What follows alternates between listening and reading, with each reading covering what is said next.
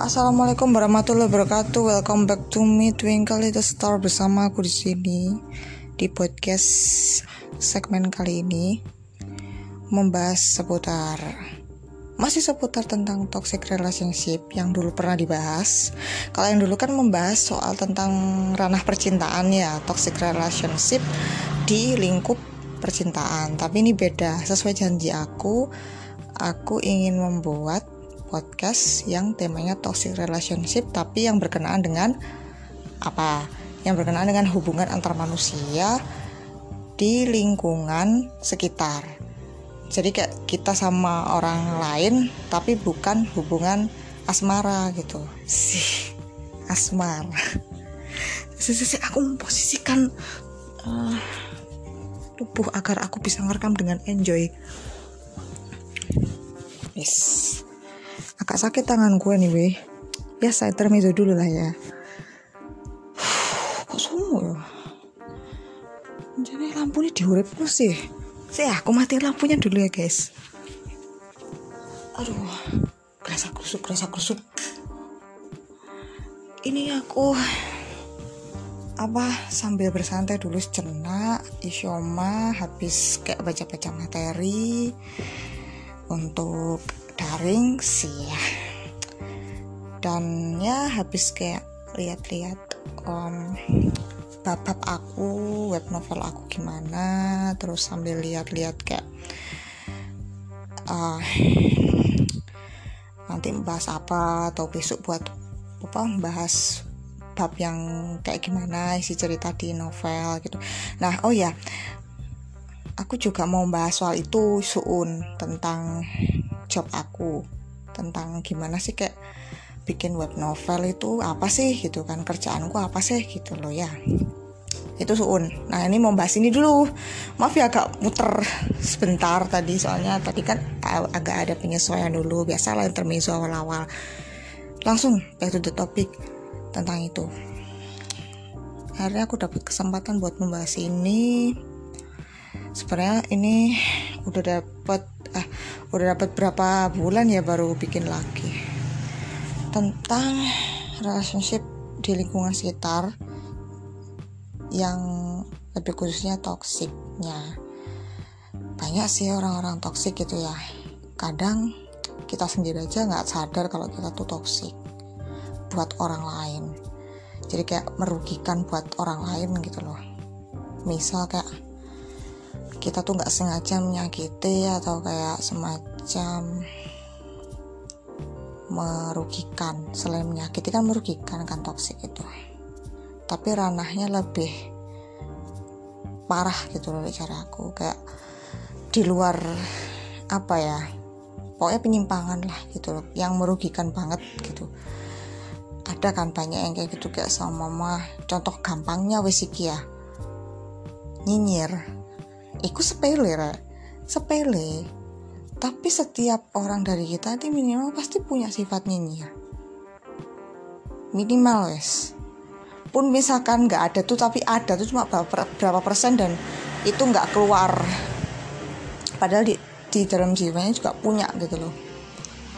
Kalau menurutku sih seperti itu. Jadi kayak misalkan kita ya punya karakter atau kayak punya sifat-sifat yang ada dalam diri kita itu persentasenya beda-beda. Misalkan kayak um, aku ini, ini misal nih misal. Family itu pelit gitu kan. Eh nyebutin nama nggak apa-apa ya? Toh juga udah tahu nama aku aslinya kan. Misalnya aku pelit gitu. Gimana?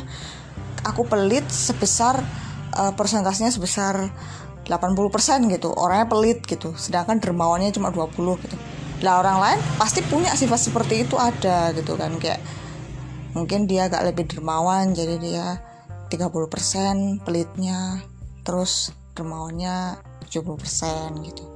Tergantung sih jadi semuanya punya kayak sifat gitu.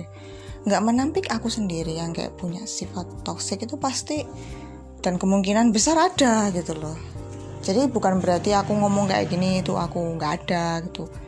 Bukan berarti seperti itu ya ya aku cuma kayak ngasih tahu orang-orang toksik dan eh toksik dan orang-orang yang terlibat dalam hubungan toksik relationship di ranah lingkungan sekitar kayak hubungan antar manusia selain percintaan itu seperti ini loh gitu. Dimulai dari ciri-cirinya gitu. Pasti ada pihak salah satu yang dirugikan.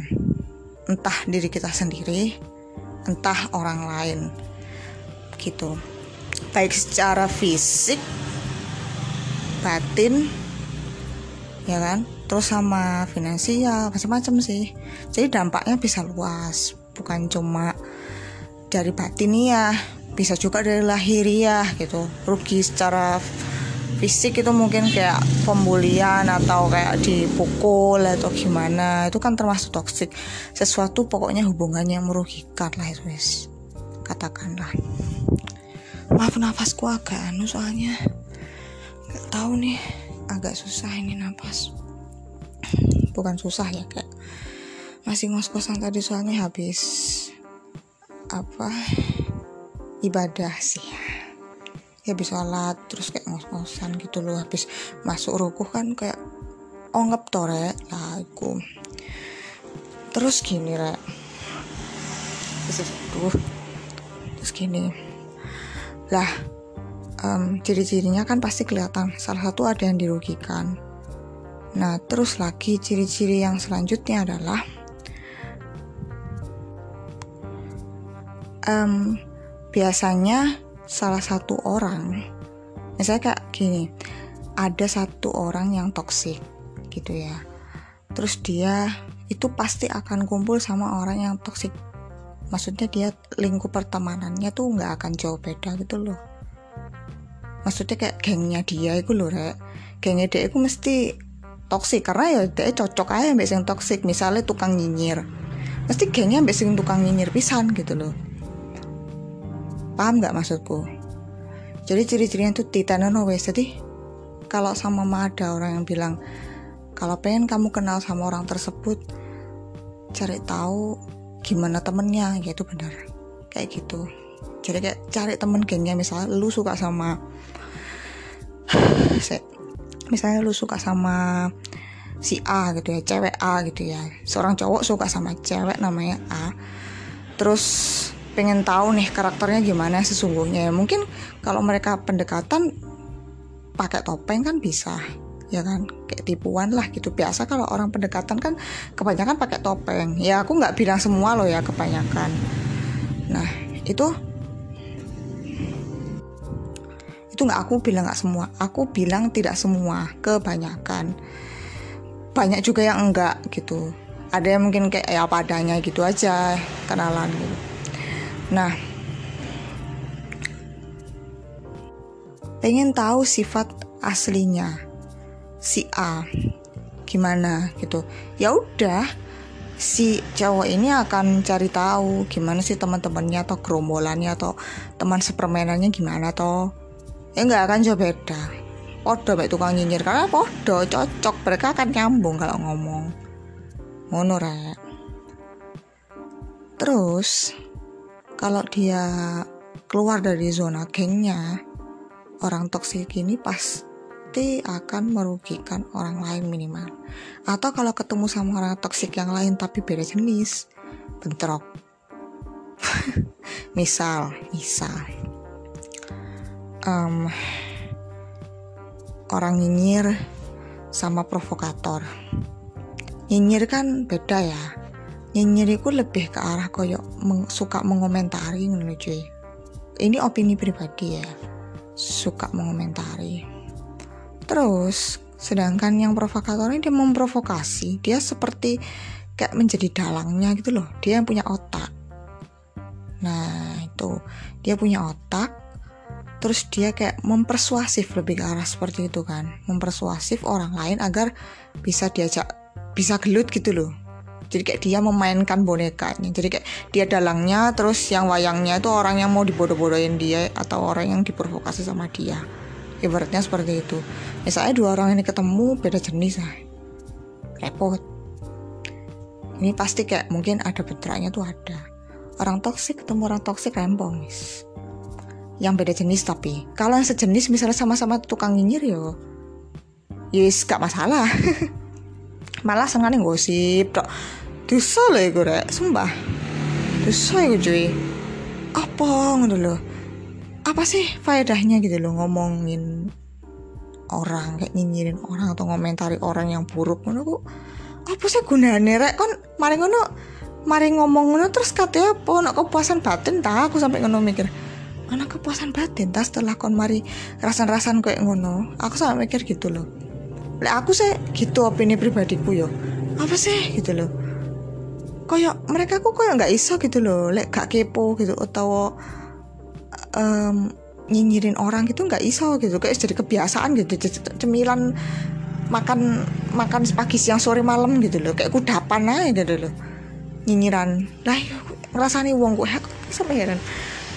Iku apa ya salah satu tipikal orang toksik yang nggak aku sukai. Karena aku tuh gini tipikal orang cuek. Ya kan? Cuek aku kayak cuek tapi bukan berarti konteks yang bener-bener cuek sampai nggak peduli sampai nggak empati. Lain enggak. Cuek untuk hal-hal yang seperti itu yang nggak penting. Kalau aku eh buat apa? Oh mikir iki ngerasa ngerasa nih urip wong kayak apa ngono aku saya mikir ngono. Apa faedahnya itu apa? Heran aku. Makanya aku kok pertama kali terlintas dalam benakku mencontohkan orang yang toksiknya adalah orang yang nyinyir ya. Mungkin karena aku nggak suka sama orang nyinyir. Kakean oh ya tak takon oleh oke okay, tanya boleh sama orang sama orang gitu posa pasti tapi udah cukup nggak perlu sampai kayak nanya lagi lebih mendalam kayak lebih mengorek pribadi. Karena nggak semua orang suka gitu loh. Nah berdasarkan fakta itulah rek. Jadi kamu tanya sewajarnya saja hati-hati. Kan gitu. Banyak loh yang hal-hal sensitif yang um, kayak apa itu namanya yang bakal atau menjadi cikal bakal uh, orang itu tersinggung sama pertanyaan kita. Banyak hal.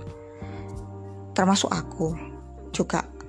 Salah satu orang yang kayak cepet tersinggung dalam hal yang sensitif menurut aku ini semua orang sih kayaknya seperti itu. Dan makanya berhati-hatilah.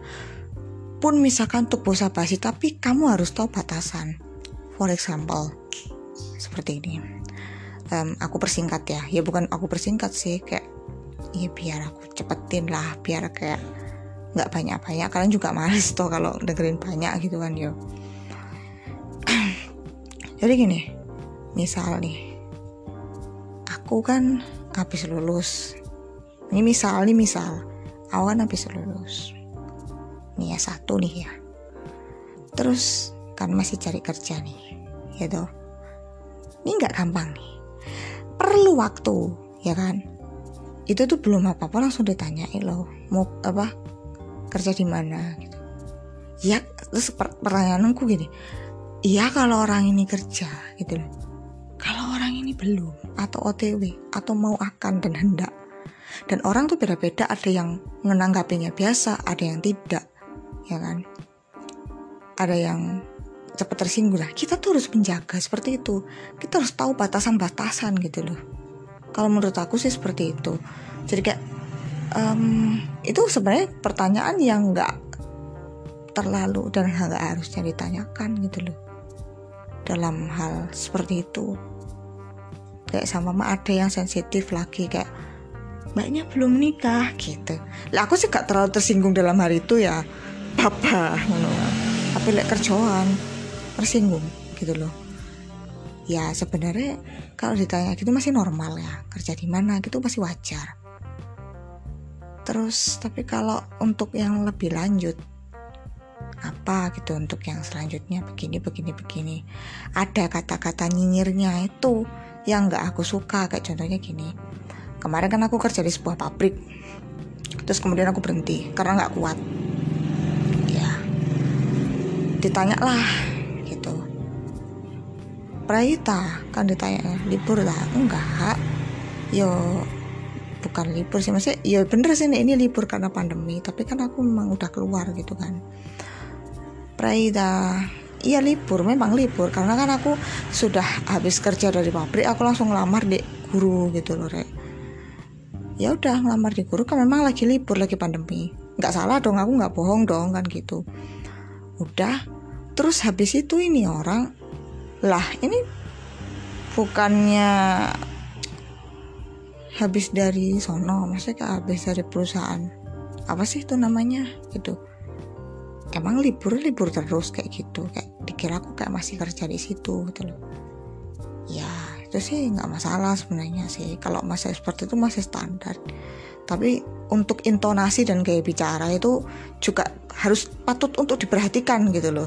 Pun misalkan itu tidak menyakitkan atau mungkin biasa saja menurut aku tapi ada intonasi yang kurang mengenakan tuh yang mungkin bisa bakal membuat seseorang itu tersinggung. Makanya hati-hati. Ya tak sarankan itu.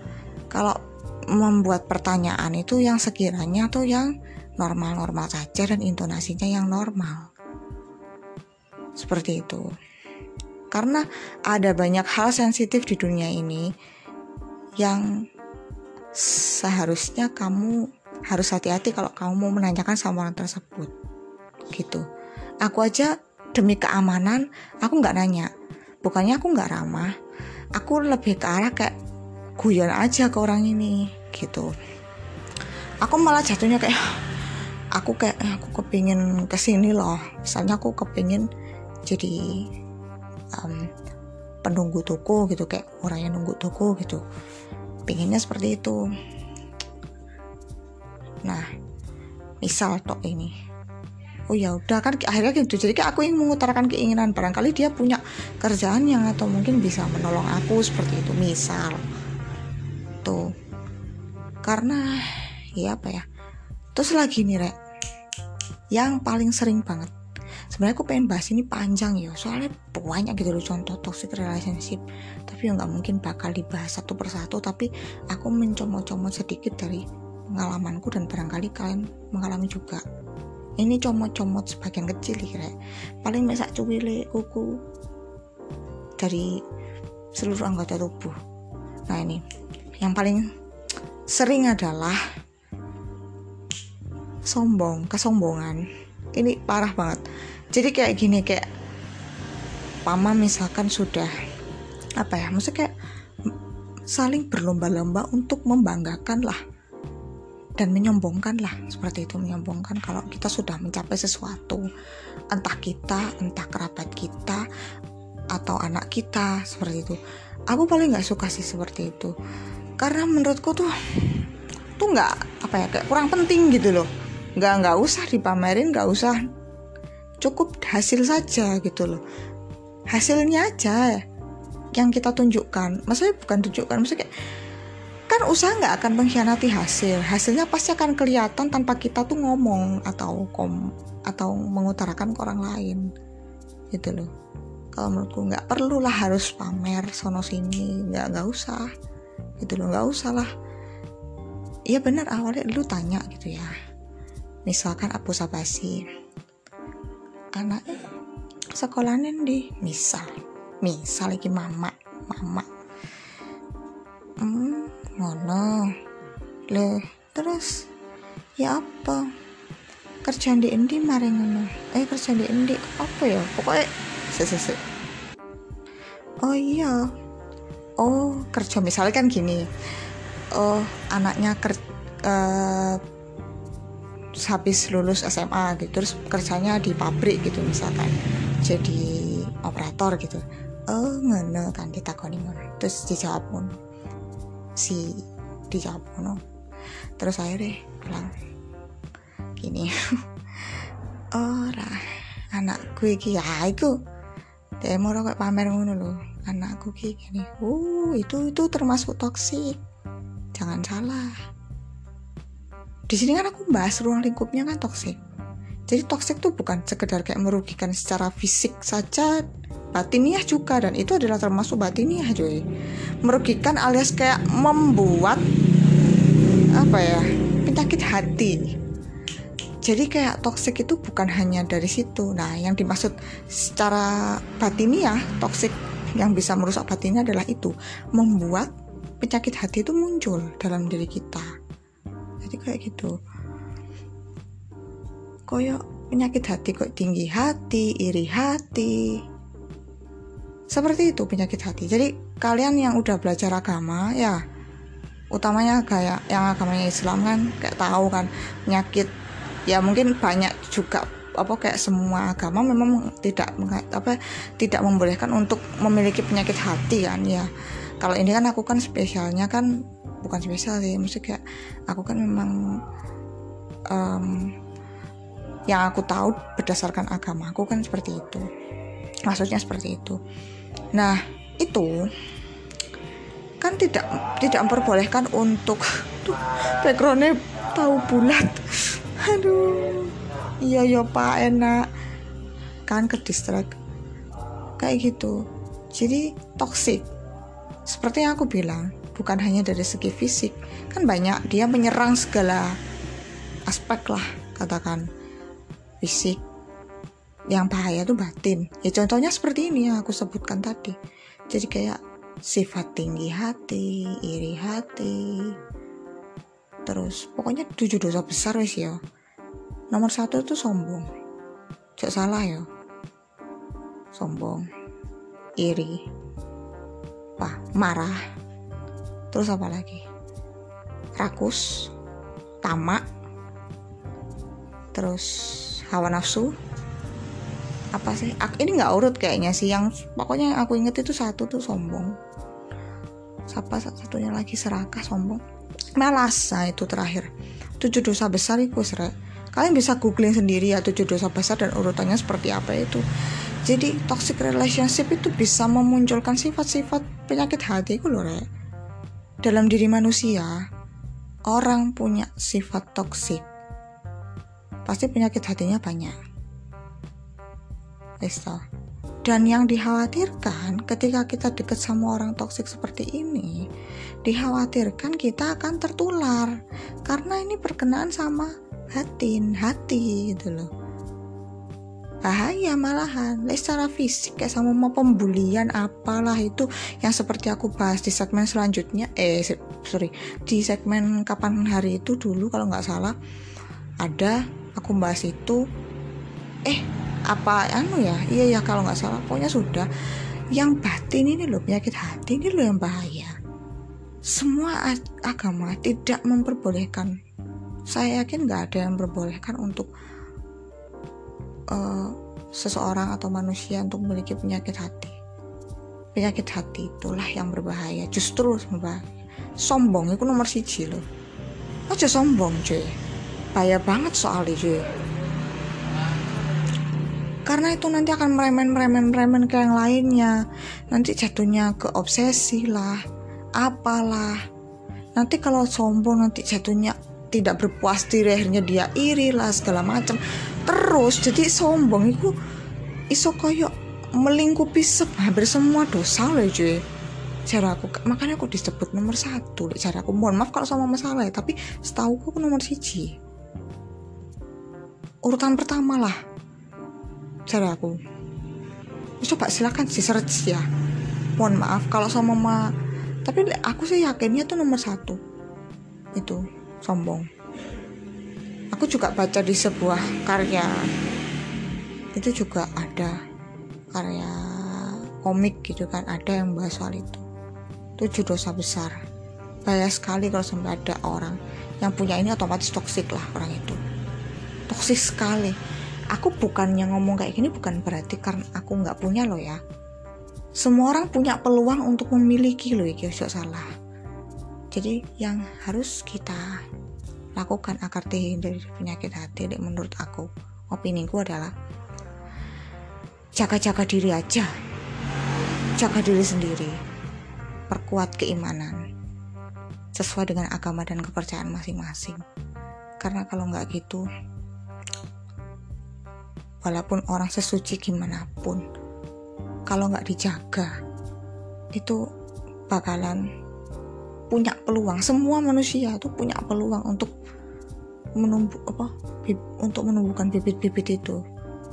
Penyakit hati. Masih ya wong paling suci paling suci ya. Tetap manusia. Manusia tempatnya wong salah kan? Tempatnya salah kan maksudku ngono? Jadi gitu rek. Ya udah mungkin sekian dulu ya. Ini udah habis mohon maaf kalau ini panjang. Semoga kalian berkenan untuk mendengarkan podcastku yang panjang ini. Sebenarnya banyak banget sih yang ingin aku paparkan terkait soal ini. Mungkin aku bisa membahas di next segmen berikutnya. Semoga kalian gak bosan-bosan ini juga udah malam. Mohon maaf kalau sama ada salah-salah kata. Ya ini kan memang spontanitas podcast. No rekayasa no edit bener-bener pure. Kalian tahu sendiri kan betapa ramenya. Kayak gini aku merekamnya ya dalam kondisi apa adanya sesuai panggilan hati. Just you know. Ya kan? Tuh udah cukup sekian. Terima kasih bagi yang sudah mendengarkan dan yang sudah mengikuti aku dari awal sampai sekarang. Aku ucapkan terima kasih. Dan yang baru um, aku ucapkan ya selamat datang di podcast aku. Telat ya? Harusnya tadi selamat datang dan semoga jatuh cinta semoga betah istilahnya gitu. Bisa mendengarkan suaraku. Ya ayolah kita sama-sama belajar. Sharing-sharing. Aku ngasih uh, materi seperti ini ya bukannya aku adalah coach. No. Gak ini kayak aku menumpahkan im, im, apa kayak opini argumen. Itu ya barangkali ada yang cocok sama kalian barangkali ada yang tergugah. Alhamdulillah tambah barangkali cuma apaan sih? Nggak kak seneng ya apa rek. Aku nggak memaksakan kalian sama sekali kok. Nek carinya Sarawai Jayanto kan. Ya pak kami tidak ingin memaksakan apa yang kami percaya kepada anda. Kami di sini hanya untuk berbagi cerita. Nah itu keren banget. Ya seperti itulah. Aku juga kurang lebih seperti itu aku itu terserah kalian mau menganggap aku ini apa sih kayak percaya atau enggak sama anggapanku atau segala macam. Kalian bisa bandingkan dengan pemikiran kalian sendiri itu kan? Santai tuh dah. Terima kasih sudah mendengarkan. Kali ini benar-benar pamit. Assalamualaikum warahmatullahi wabarakatuh. Sampai jumpa di next sampai berikutnya. Jangan bosan-bosan ya. Stay tune. I love you sarangnya Assalamualaikum warahmatullahi wabarakatuh. Lagi nggak apa-apa wis. Dadah.